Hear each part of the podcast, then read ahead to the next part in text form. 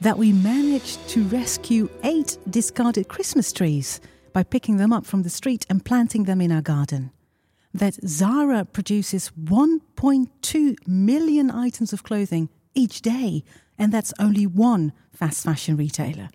And that Times Magazine featured the amazing anti body shame activist and influencer Danae Mercer on their cover, very gloriously showcasing her cellulite. These are some of the sustainable things that moved me this week, but what motivates my guest when it comes to living sustainably?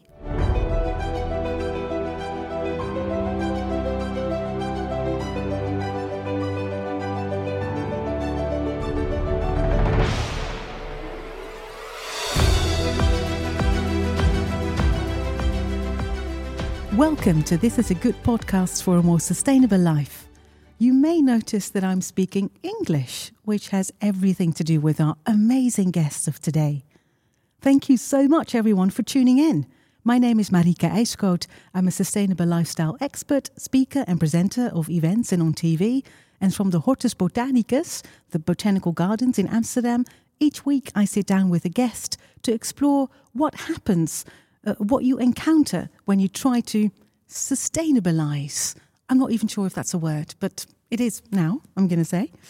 Living a good life and doing good can go very well together. But what actually is a good choice? What works for you? What doesn't? Is there something you're ashamed of or something that makes you run faster or go harder for a better world? We share tips and tricks, but more importantly, dive into the psychology of it why we do what we do. And I hope you feel seen in a way as listener and that this helps you to move forward in your sustainable journey. I aim to make that a bit easier for you through this podcast and, for instance, my book. This is a good guide for a sustainable lifestyle because we need everyone for this urgent transition towards a more just, a more climate robust, and sustainable future. We need you, our listener, as well as today's guest. And that's none other than the utterly brilliant Dan Karaty. He's a massively talented dancer who performed with the likes of Britney Spears, went on to choreograph for her and for other stars such as Kylie NSYNC, and then became the judge we know and love from TV shows such as So You Think You Can Dance and Holland's Got Talent, as well as an actor in the very popular show films. But that's not nearly all. As important, at least to me, is his work to break the taboo around alcoholism and addiction in general. He's written a gut wrenchingly honest memoir about his life as a performer and an addict, and hosts his own podcast, If I'm Being Honest, about all things shame, struggle, and sobriety. He's also a very dear friend of mine, and I look up to him very much for his openness and his bravery, amongst many other things. What all of this has to do with sustainability? Keep listening, I'd say. Welcome, Dan. Thank wow. you so much for being here. That's an introduction. thank you. Uh, well deserved. Thank you. Mm. And this is amazing being in here. What do you think of our atmosphere? Yeah, I mean it's it's beautiful. I've never been here before. I was walking in thinking this is one of those hidden gems that not everybody knows about here. I mean, I've been coming here for years and never knew this existed and this is this is a good spot to record a podcast. I love it. Right. So when you're listening, you can also see us on YouTube. You can have a look and see our environment here. It's pretty spectacular. And also, we put some snippets on socials so you can have a look as well. Awesome.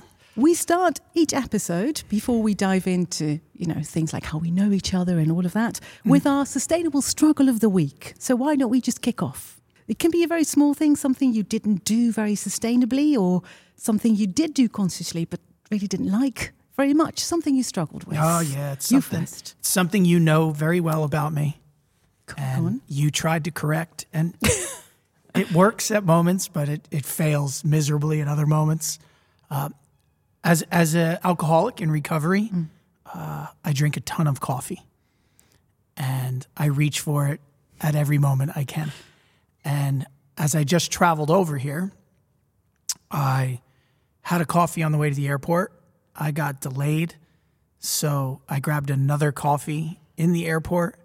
And when I landed, I grabbed another coffee and in the were, airport. These were all to go.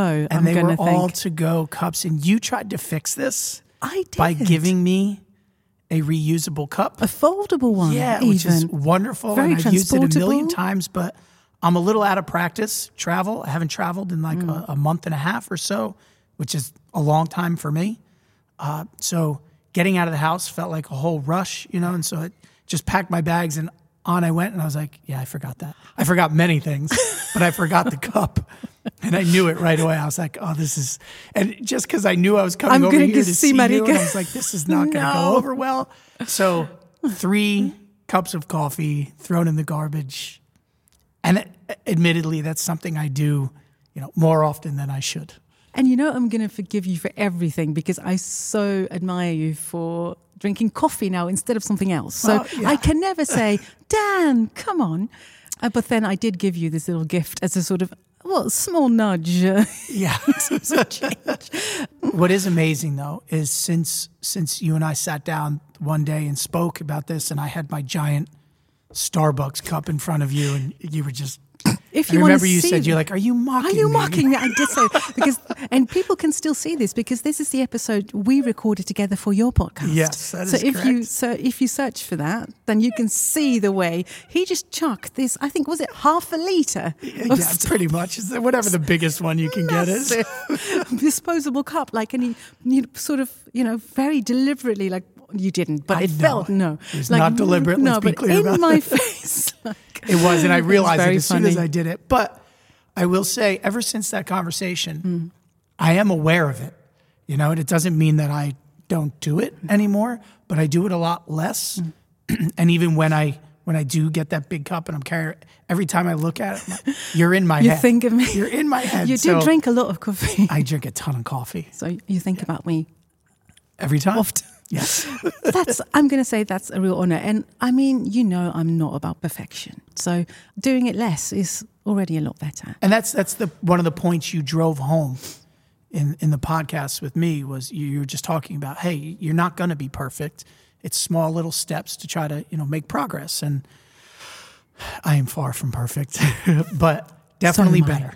So definitely better. Yeah, and I mean, it's an it's an urgent struggle that we're part of. I think we really need to change our behavior in order to save the planet, but also I think we need to look at the combination of small steps and making change, but also how that changes your entire mindset. And mm-hmm. we'll get into that, I think, a little bit because it's not just about the cups; it's about society and about culture change and and and larger steps and mm-hmm. how to be a part of that as well. But I'm getting ahead of myself because I need to also share a struggle each week because you're saying, you know, I'm not perfect. Well, neither am I, of course. My struggle this week was about cling film. And for people who don't know what that is, it's huishoudfolie in Dutch.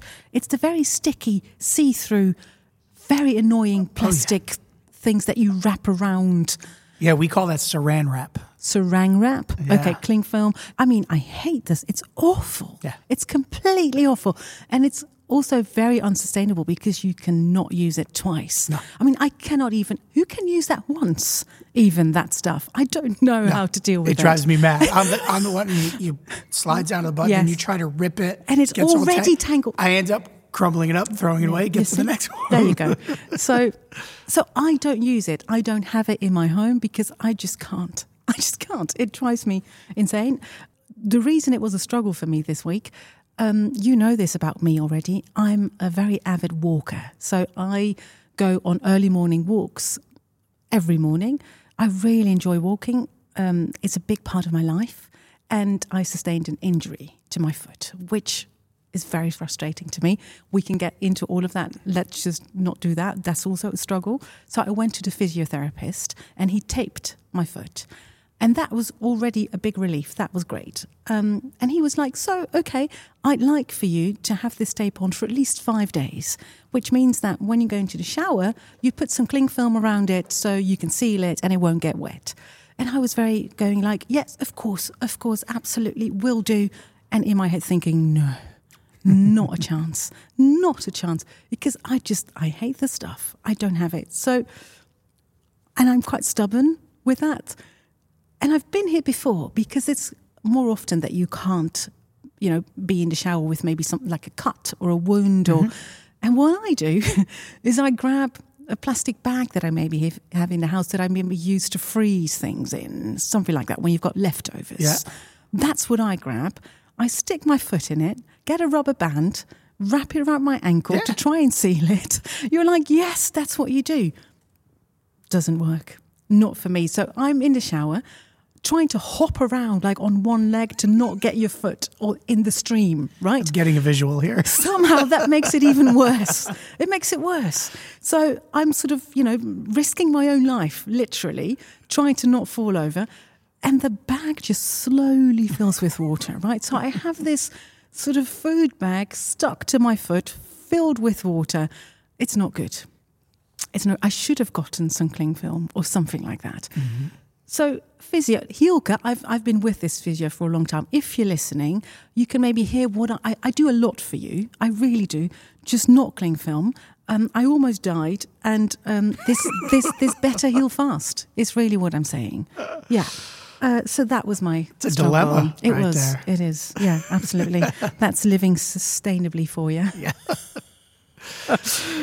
Right. I was thinking about how we met.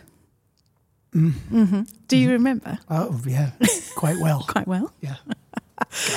This is probably, I'm going to say, because I just had my book out. We were in a TV show together as guests, and we were picked up, both of us were being picked up from Amsterdam. So, and, and it's funny because they asked me to come to the show and they recorded it quite far away, which, and I don't drive. So it's, it was difficult to get to by public transport. And so I said, I don't have time. I need to finish this book.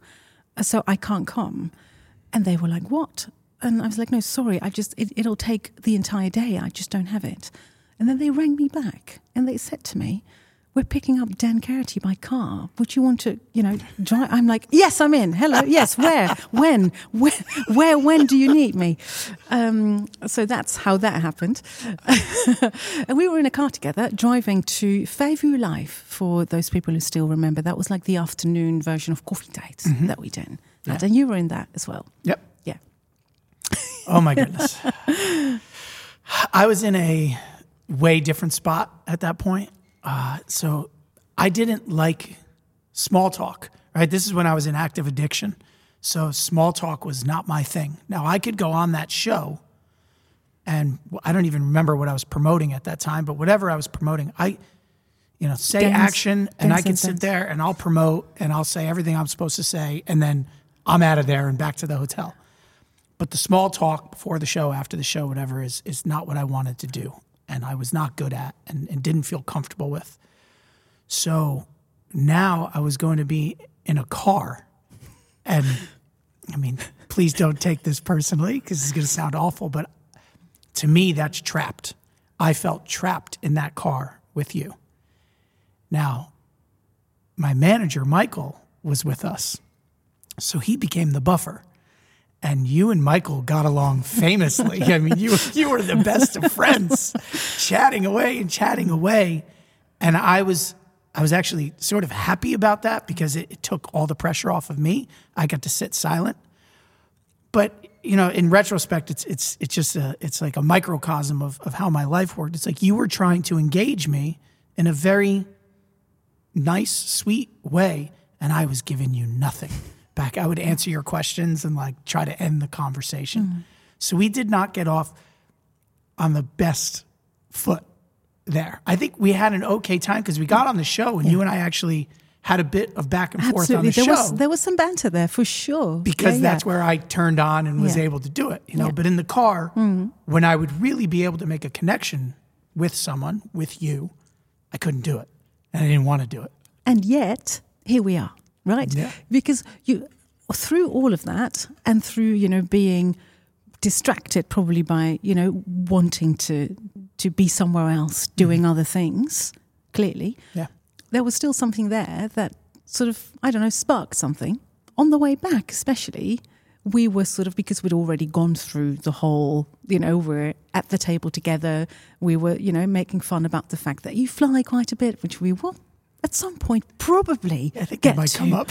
it might come up today as well.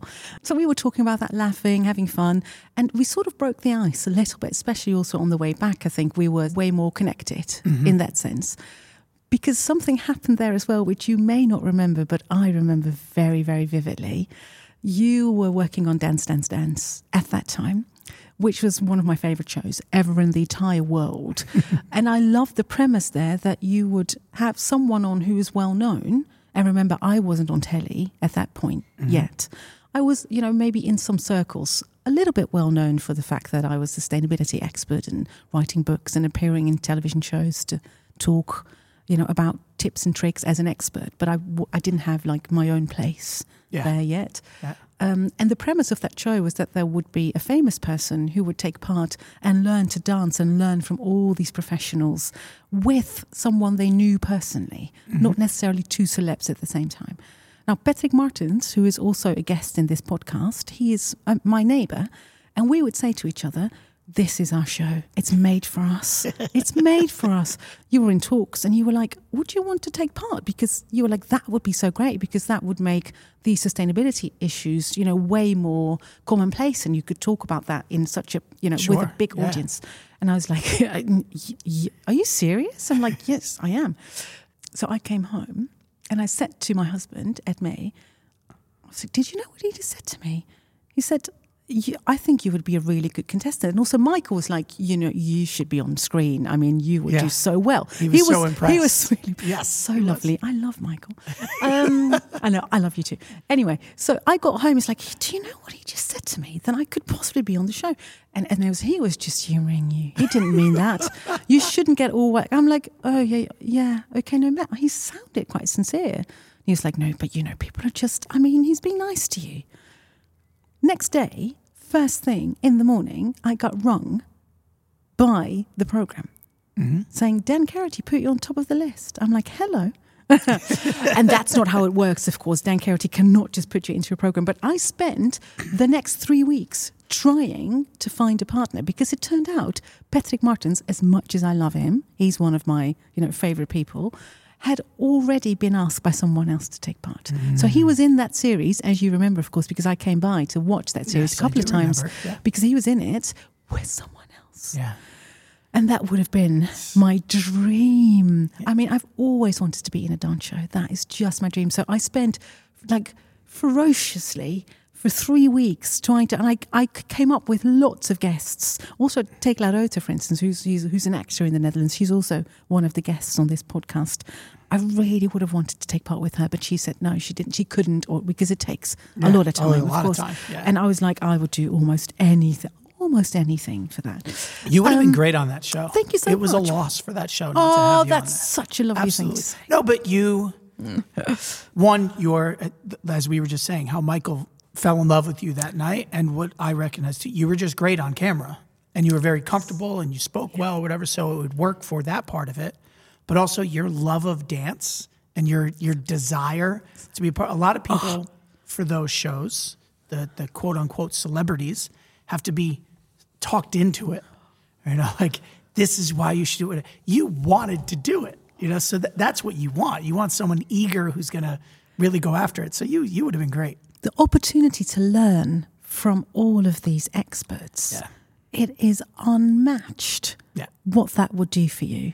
I mean, those experiences are, you can't buy that. That is Yeah. just life. And the magic of getting to recreate oh. some of our favorite performances. I mean, I loved doing that show. It was it was so much fun because I got to relive so many of those moments. Yes, and I'm just such an MTV person. I mean, that I grew up with that, watching that, recreating it. It's just anyway. Showing our age.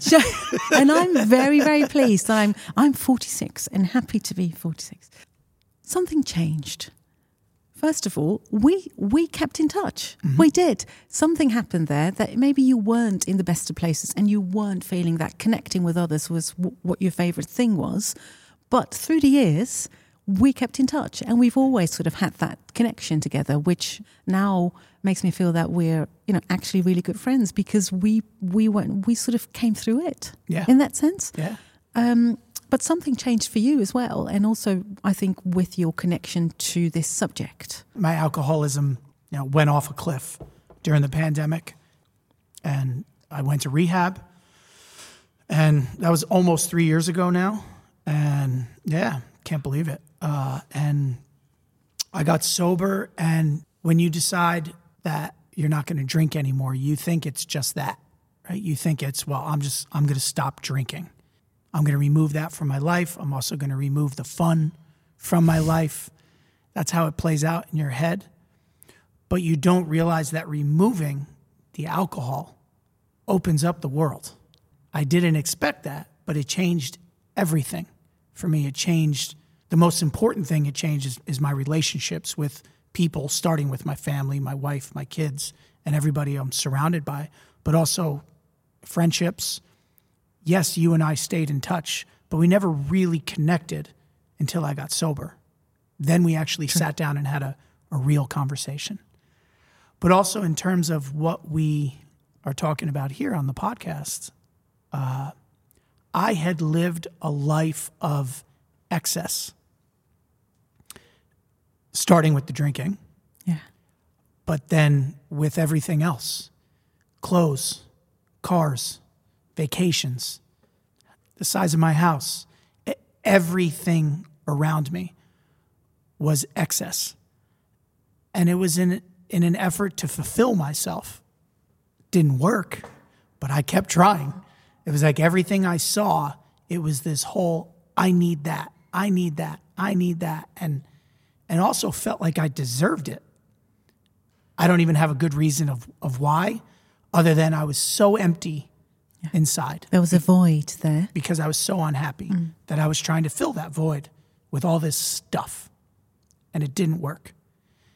And getting sober, I, I woke up and realized I don't need all this stuff. And it doesn't make me happy.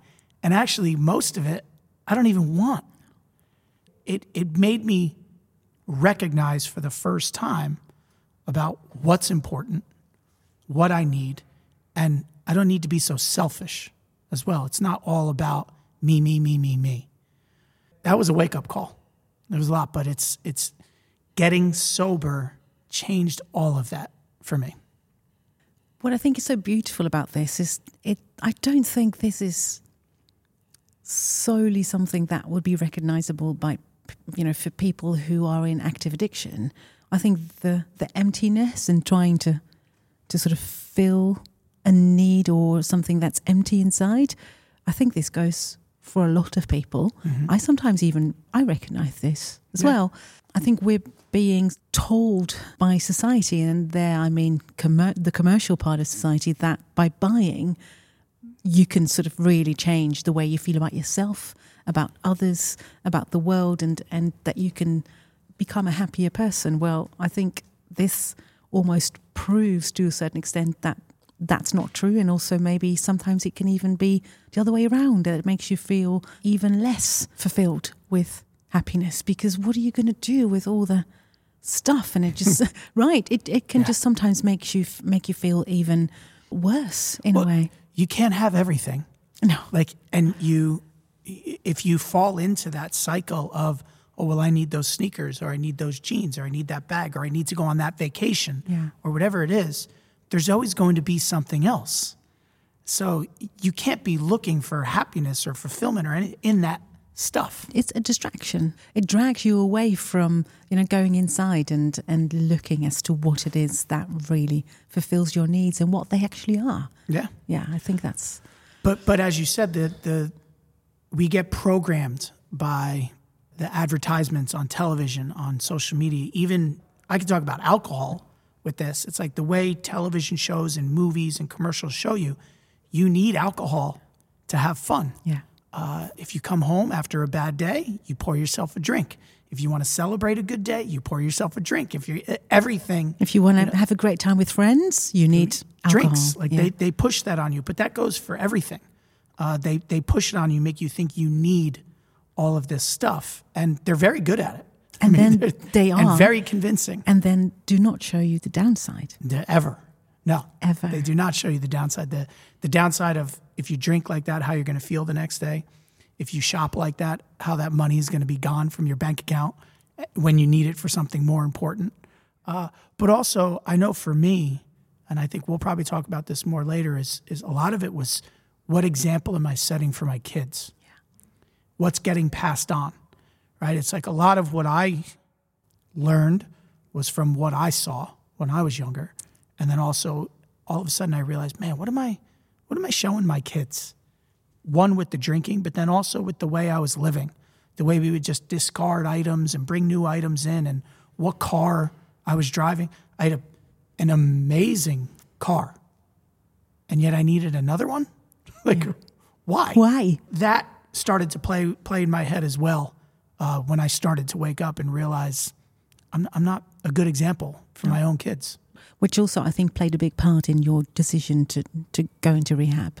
Well, right? yeah. Uh, when I when I realized, you know, it's I knew for a long time what I was doing to myself and what I was doing to Natasha, Natasha. my wife. Yeah. But when it suddenly came obvious to me that this is affecting my kids too, and that they could see it, that was the motivating factor to I need to get help and to try Yeah. to fix this. Yeah. I'm so proud of you. Thank you.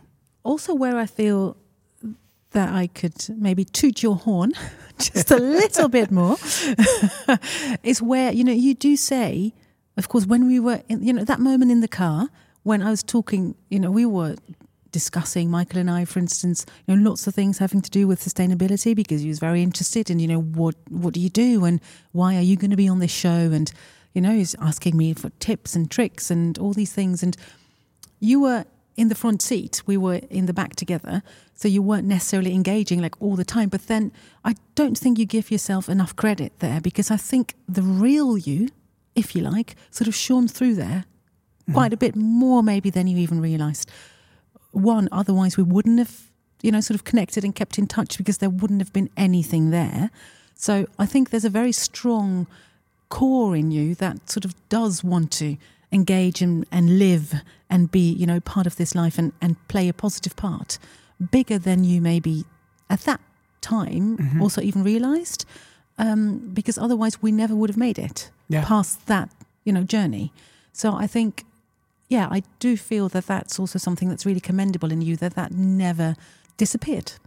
Mhm. And I think that's just such a strong example of, of who you are and, and how strong you are as a person to then to, to go and fight and fight for it and go after it. And that's sort of, you know, blossoming now so much. I think that's so beautiful to see. Well, it's like Yeah. with with you too. It's like I was listening to your conversation with Michael in the back and just hearing who you are and the type of person you are, and I wanted to connect. Mm, mm-hmm. The want was there, but the fear Yeah. would keep me from doing it because there was always just that fear of what kind of conversation am I going to end up in, and it's going to get too personal, and I and I don't want to go there.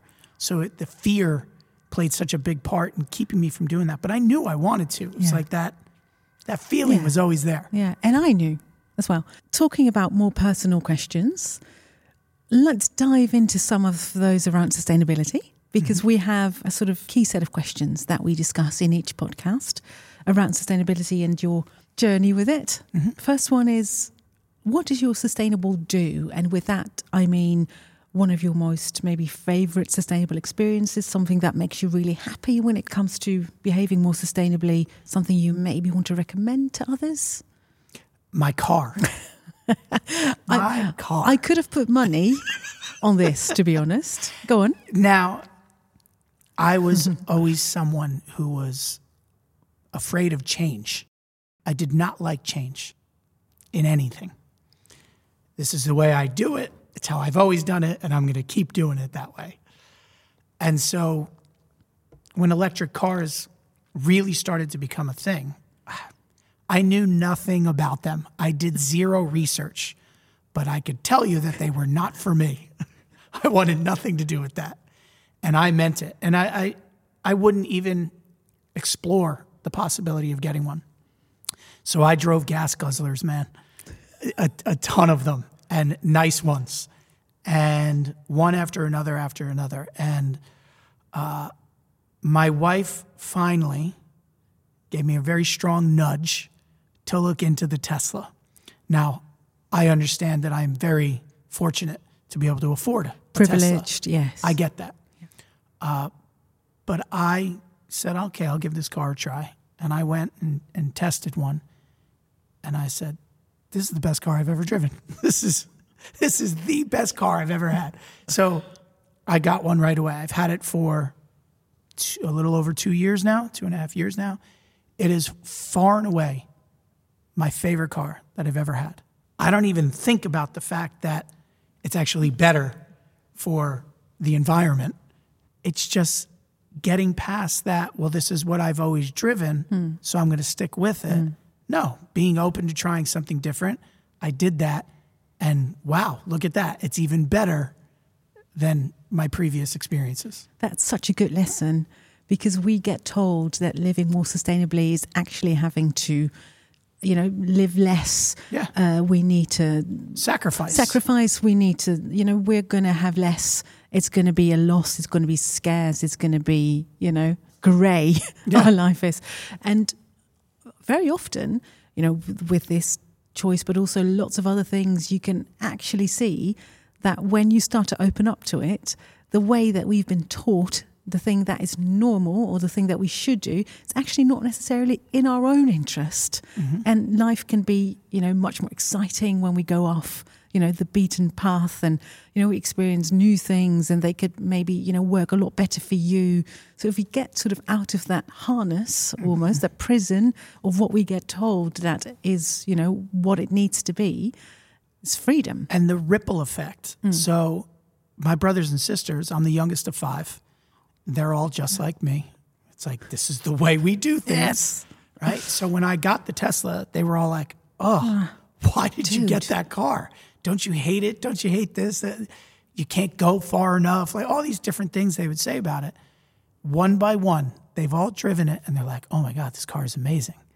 And then, of course, gas prices spiked at one point. Soared. And they were all complaining about it. And I was like, that's funny. That doesn't bother me at all. so little by little, they've all, one of them has bought a Tesla as well. And I think as we go, you know, they're, they're all looking at different, they're at least open Yeah. to the possibility of, of changing. So there is that, that ripple effect. One person makes, makes a change, it affects people around them. Hello, Dan Karaty sustainability leader. Look at that. Look at that. Who would have thought a couple of years ago? Um, I'm sure we'll destroy that in a second, though. I'm just gearing up for something. No, not. I'm not. I'm joking. I mean, touching on the subject of privilege, sure. I think it's it's important that you bring that up and that you mm-hmm. realise that. On the other hand, I, for me, I think it's very important to also stress that I feel that the people who can actually carry the weight carry the weight. So, of course, there's a lot to say for the idea that you know change is difficult because it's too expensive for many people and not many people can afford it or it's not attainable. But then you know it needs to become bigger to become less expensive. And i think the people who can actually afford it are the ones and the people are privileged in their lives because they don't have to worry about the fact that you know can we make ends meet? Do we mm-hmm. have food on the table and clothes for our kids?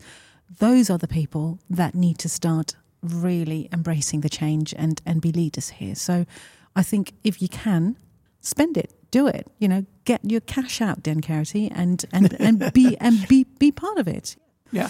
I mean, that's a good way, I think, to spend well earned money. Flip side of a sustainable do is mm-hmm. possibly a sustainable don't, or maybe a sustainable dilemma. So, something you certainly wouldn't recommend, or something that you would like to be able to do but just don't know how. Something that's difficult. Go on, Yeah. go on. Well, the dilemma hmm. how much I fly. Oh, it's here. Here it is. Here it is. I'm on an airplane all the time since I was 18 years old, And you're 47. So that's a long time. I started traveling for work when I was 18 and I've never stopped. It started all over the US and then it started all around the world. You know, for the last however many years, it's been coming to Europe quite a bit. But even when I'm home, I'm traveling to California all the time. I could not do what I do without it, though. So that is the dilemma. I, I and it's easy for me to like I'll I'll explain it away and make myself feel better by saying, well, those planes are going anyway, with or without me. So I'm just hopping on the plane that's going. I know that's very short sighted, right?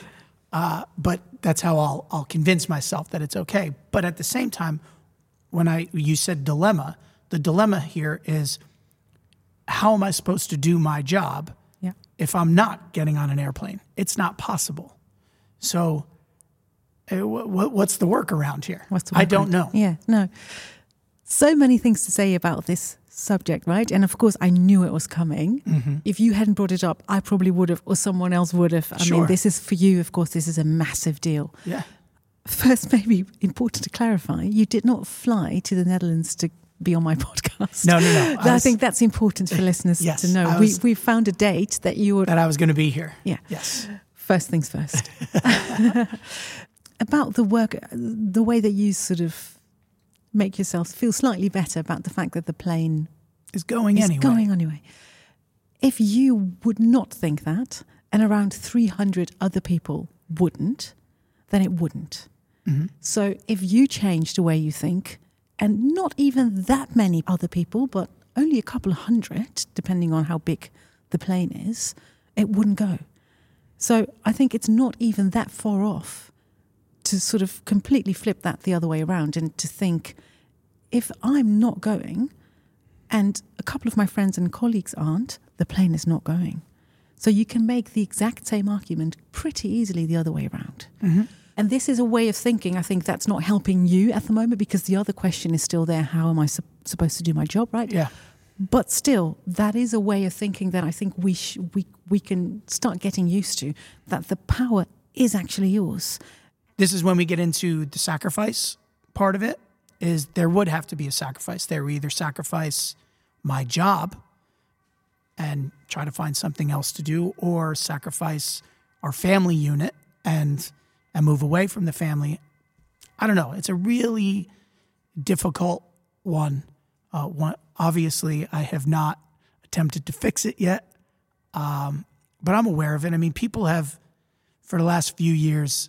Every so often, I'll get messages on social media. You do? Yeah, yeah. You know, Yeah. people saying, you know, do you really need to fly that much? How, you know, are you even aware of what you're doing?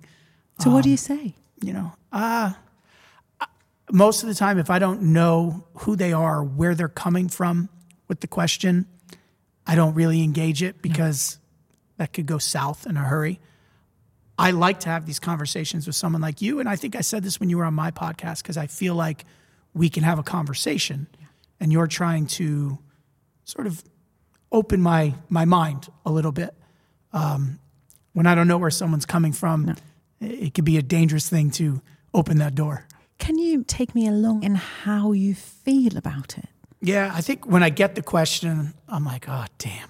You know, it's nobody likes to be hit in the face with that.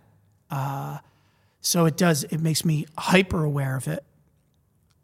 And it reminds me that I, when I started this line of work, I loved the travel. I, I wanted it. I didn't like to be in the same place for more than a couple of weeks. Now that I'm older, that I got two awesome kids at home and a wonderful wife, I don't want to travel as much as I mm. as I did. And so it does make me question all of that.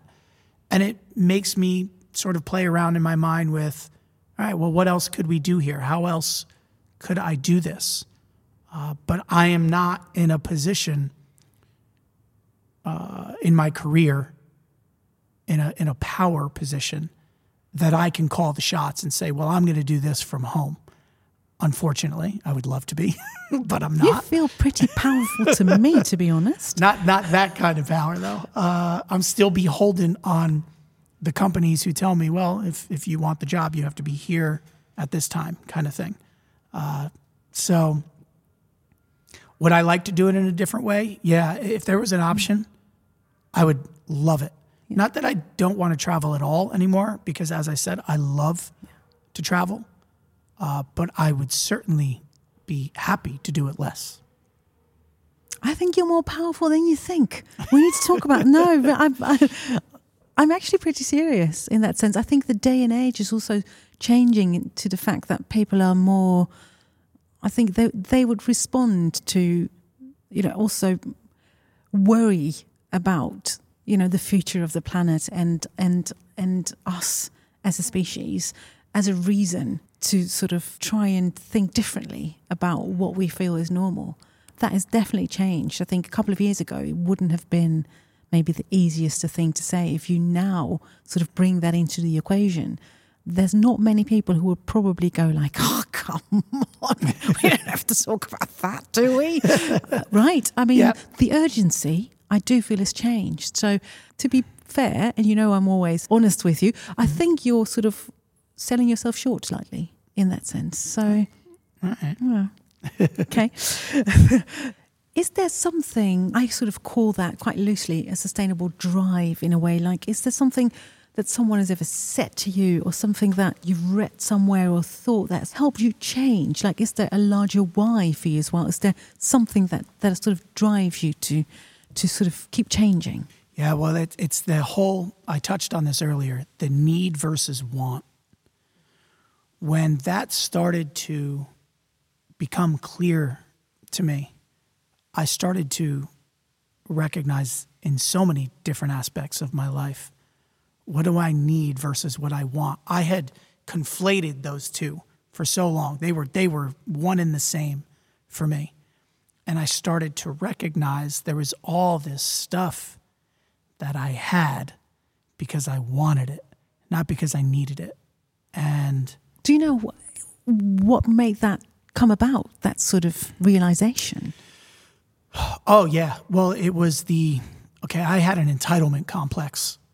And that that entitlement complex drove my drinking as well. I thought I deserved the way I was living, the success I was having, all of that. And I, I say that in a bad way, right? The success. Success. everything I thought I was accomplishing. And it made me think that I deserved it. I deserved the jobs I was getting. I deserved the money I was making. I deserved the bigger house and the, The nicer attention car. and the- yeah, all of it, ego. right? And and so it's I need that and I need that and I need to go on that vacation and I I need to buy those clothes and and when I got sober and started to let go of that entitlement, that sense of entitlement, and started to just look around at how I was living my life and what actually I needed and what actually served me, uh, it all flipped on its head. And I said, I don't even want this house. I don't even want these clothes. I, I am way happier in my sweatpants and t shirt than I am in any other kind of designer thing that I was pretending that I liked and the person that I was pretending to be. Um, and so everything I do now, this this need versus want, and don't get me wrong, there's plenty in my life that is in You're not excess. suffering. I am not suffering We shouldn't feel sorry by any stretch of the imagination. but I I question even you know Christmas just passed. Christmas used to be disgusting at my house. I mean, just it, it just the amount of greed that was involved. Uh, not only was it bad for me, but it was also kind of like, what am I? What am I showing my kids? Getting all of this stuff that most of it they would open and just cast aside. They didn't even care. So it's just those kind of things, living like that and like trying to see, well, what does Quinn really, really want or really need that she's going to use and focus on that rather than let me shower her with gifts. Yeah. Um, it's a different love language as well. Yeah. It, it has a positive effect on, on all of us and our appreciation for things and for each other and for what we have. Um, so we have greatly simplified from where we were to where we are now. And again, we are living very well, We're doing all right. but in a, in a much different way Yeah. than we were. Still, is there something that you would call a sustainable, maybe little devil? Because listening to all this, you've you've come quite a long way. I do really want to acknowledge that. I think in a sh- relatively short amount of time, you've gone from I'm simplifying this. I need and can have everything to what do I actually need, and let's look at it from a very different perspective.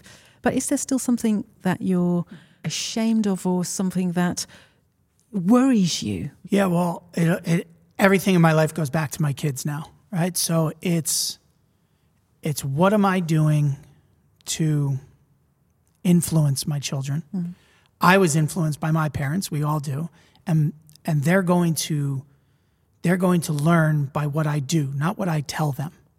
So it's what example am I setting for them? And I there are a million bad things that I do on a daily basis, right? It's paper towels. Take something as small as paper towels. I rip through paper towels in my house. I can't even tell you how many every single day. What What do you use Just them for then? Everything. Every- wiping the counter. What wiping the dog's paws when he comes in the door. Like just I, I go Put through a mat paper on your floor. it's it's it's it's a it's a seemingly nothing thing in my head. But there's a lot of things like that that I do and I and I say, well, what am I showing my kids? And they're going to emulate that behavior. Um, so, how do I fix that? Right. But again, I admit it's, am I willing to sacrifice? I go back and forth all the time because I, I like the way I live. And, and I'm still, although I'm better, I'm still not uh, I'm still a creature of habit. I like the way I do things. I'm always, eh, do I really want to change that?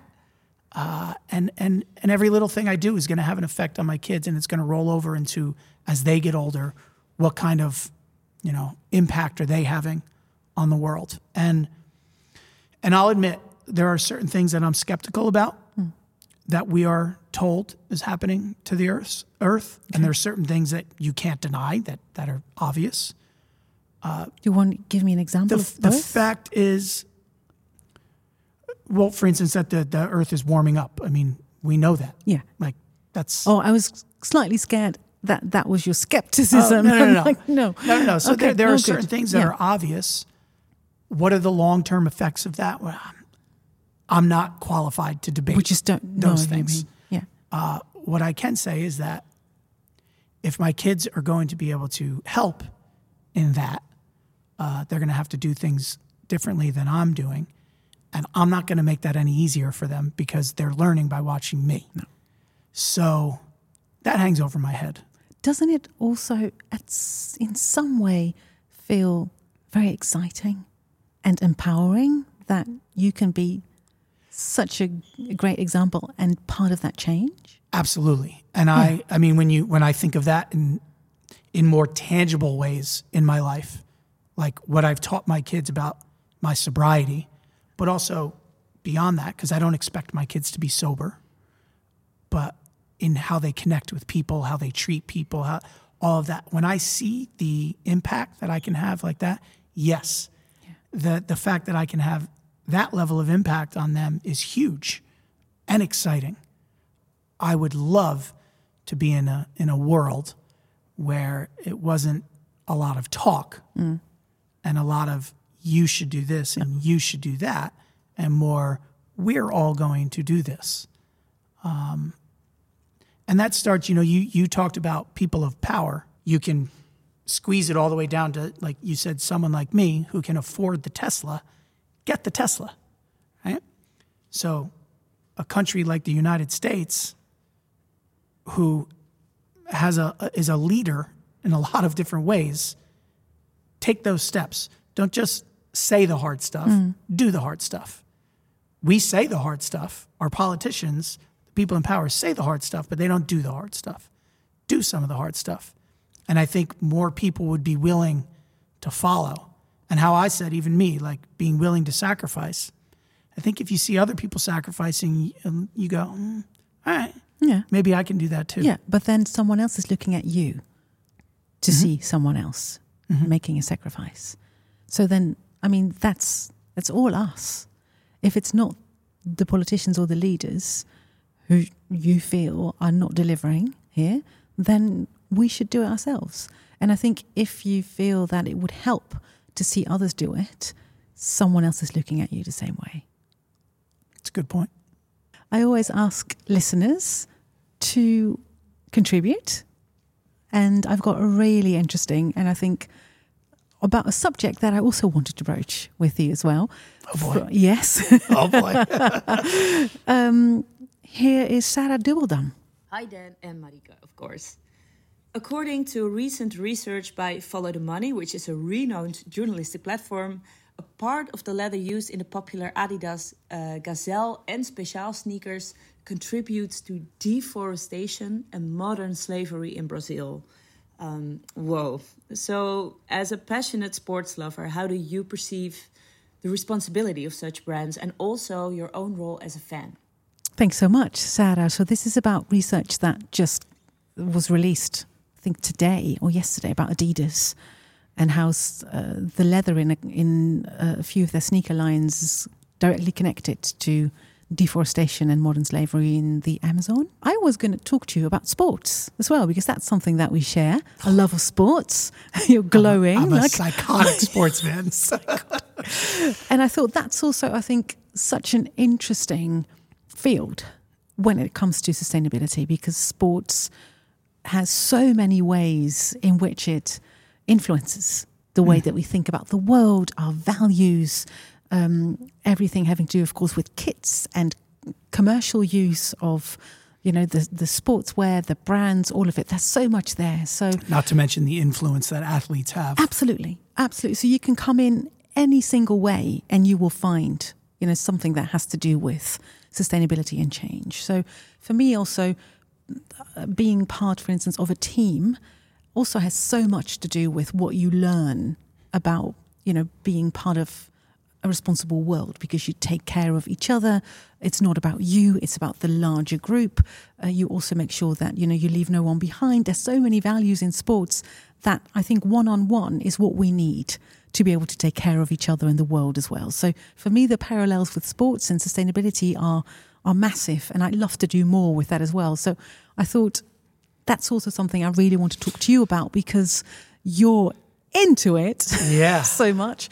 Uh, so back to sarah's specific question about you know there's and this is one example. There are many examples of course of sportswear brands and and um, unethical behavior she asks how do you see their responsibility and also is there responsibility that you see for yourself as a fan yeah i'll admit and you can disagree with me on this uh, as a fan i try to remove myself from anything outside of the sport.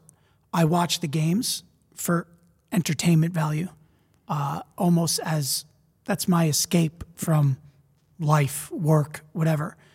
I turn on American football, you know, or baseball with my son, things like that, and I just watch for the joy of watching the game and the competition and to root for our teams. I try not to conflate that with anything beyond just watching the game and enjoying it. Um, that's a conscious. De- it's yeah, because that's because there you are know there are. I can even change the subject a little bit and talk about players on these teams, their behaviors, domestic right, violence, right? Yes, all this kind of. I mean, yeah. you'd find yourself not being able to watch no. anybody, any sport. So, right or wrong, I just I try to remove that part of it. Watch the game for the enjoyment of the game as far as these different um, brands like Adidas, Nike, you'd be hard pressed. And, and I don't know, again, the research, but I think they're all guilty in different ways. So where do you draw the line? As the athletes themselves, mm-hmm. they have to decide what they want to put their power behind and their face on. That's up to them. I think for us, it's difficult because what's your choice? Like if you need a running shoe right now, what's the safe choice? I don't know. Do you know the answer to that? Should I put a couple of brands in the show notes and send them to you as well? Yeah. Because, of course, there are alternatives. They're just not as big and loud and massive as some of the bigger ones are. Um, but there's definitely steps and strides being made in terms of running shoes and and um, but it's a difficult and competing world, of course, because the power of the big ones is so True. massive. It's yeah. really difficult to sort of you know get get in there and be as known uh, as these massive, powerful ones who just own and and dictate so much. There's so much to disentangle here, right?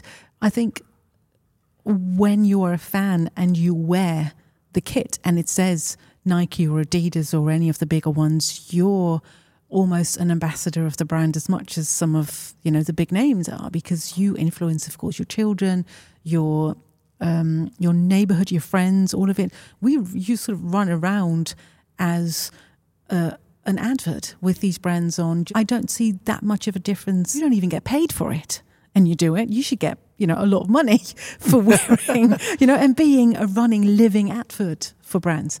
I love watching sport. I've always done it with my dad who's not around anymore to sort of do that with. But i've i've grown up with watching sports playing sports um, going, you know, seeing Olympics, waking up in the middle of the night with my dad to, you know, watch games of Olympics that were, you know, in a different time zone. It's magical moments. It's mm-hmm. magic.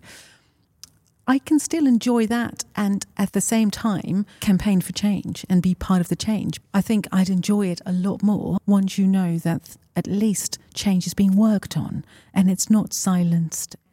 We always ask our guests to pass on a question to one of their fellow guests on this podcast. You've received one from Chef and my fellow Binnenstebuiten or Inside Out presenter, uh, Nadia Zerouali. It's about food. Oh boy. Then, are there foods that you don't eat anymore or do eat for just being more sustainable? No. However, I eat a lot less red meat now. So that's a yes. But it's it's not in an effort to be sustainable. I can, I can be honest about that. Uh, it's about how it makes me feel.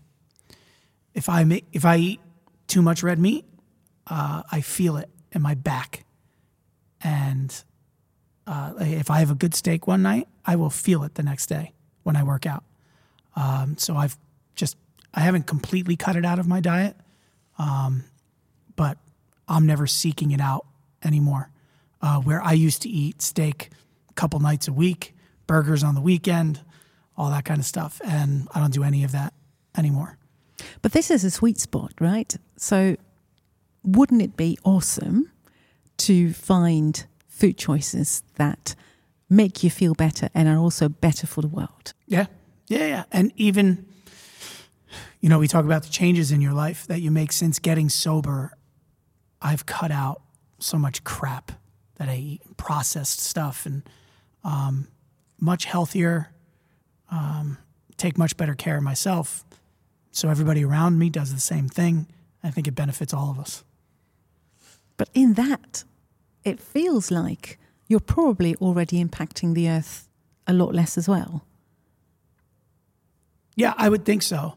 I would think just just what you see, what we bring home from the grocery store, and how different it is. Yeah, I mean it's it's a world of difference. I'm just thinking in opportunities, as you know, that's my favorite thing. You know, there's so much out there in terms of research on you know eating less dairy and less meat and how that also impacts in a positive way your performance and your health and all of that. Absolutely. So, yeah. I cut yeah. those things out of my diet and I immediately feel better. And so, so does the world. Win win. So you say no, but it feels like it's like yes, as one also something that you could explore more, I feel. Yeah. Yeah. Yeah. yeah. Passing on questions, what would you like to know from presenter, actor, and musician Erik Corton? Yeah, well, Eric is a a fellow sober uh, sober guy, and I think he's I think 2016 is when he got sober. I read, which is awesome. Good for him. Uh, so much like me, I'm very curious about how his sobriety changed the way he looks at. For instance, for me, it, it changed my entitlement and so my need for excess. And I'm wondering what impact getting sober had for him in, you know, how he consumes things around him clothes, cars, food, whatever it may be. So interesting. I can't wait to hear that. I'll ask him. And if you want to know the answer, do listen to the episode with Erik Corton. Absolutely. Thank you. Um, we've come to the end. Is there anything that you're going to take away from this conversation? Something you'd like to maybe get into more, something you'd like to share with us? Yeah, I think every time I sit and have a conversation with you, whether it's on the record or off the record, we always get into things and, and you make me think about choices. Um, I'm thinking about everything that we talked about, of course. But one of the things that is was one of the last things we covered was about sports and brands. And, you know, while we were talking about that, I was sitting there thinking about God, like everything I wear has a Nike or Adidas or something symbol on it. And I'm not saying that I'm going to cut that out. I'm just saying maybe wake up a little bit more mm. and be aware of, of, of what I'm wearing or what I'm purchasing or what I'm endorsing. Um, it's definitely something I'll take with me today. The biggest thing is not being afraid of change. Yeah. Right. And, yeah. I, and I always was for so long. Yeah. And I'm not now. And I'm not saying I'm I'm going to take everything on, but I'm not afraid yeah. to be open minded and at least look at yeah. the possibilities.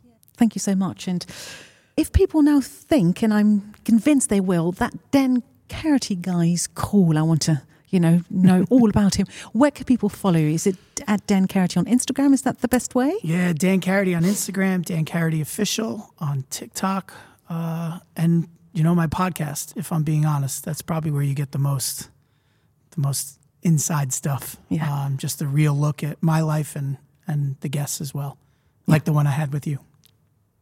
One of my big dreams is to at least at some point dance with you. So we might even make a TikTok once. Who knows? That All would right. just be amazing. Head to the show notes, I'd say, also, everyone who's listening, and I'll put links to all of this there as well, also to your book, Awesome. which is a real recommendation.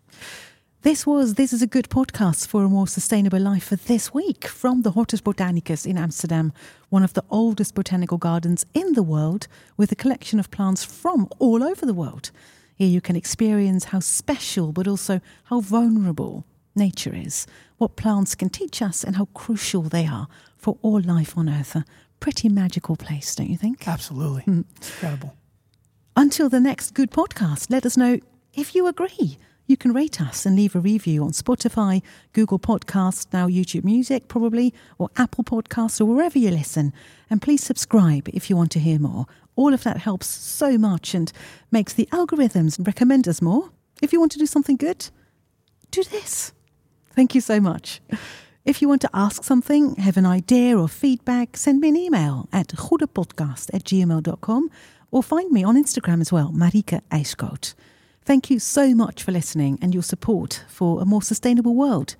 This podcast was made by Max van Nieveld. He's both the sound designer and video engineer, so without him, you wouldn't hear or see this at all. Ruud Hermans gave us fantastic audio advice. Edme Korstra worked on the cool theme music.